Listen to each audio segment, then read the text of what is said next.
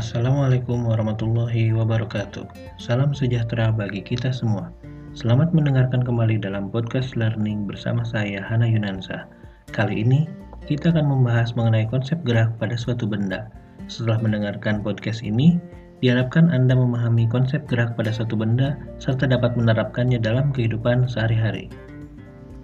Gerak merupakan perubahan posisi ini artinya setiap benda dikatakan bergerak jika posisinya berubah terhadap titik acuan tertentu. Konsep gerak sendiri terbagi menjadi dua kajian, yakni kinematika gerak dan dinamika gerak. Kinematika gerak merupakan kajian mengenai konsep gerak tanpa memperhatikan penyebab gerak itu sendiri.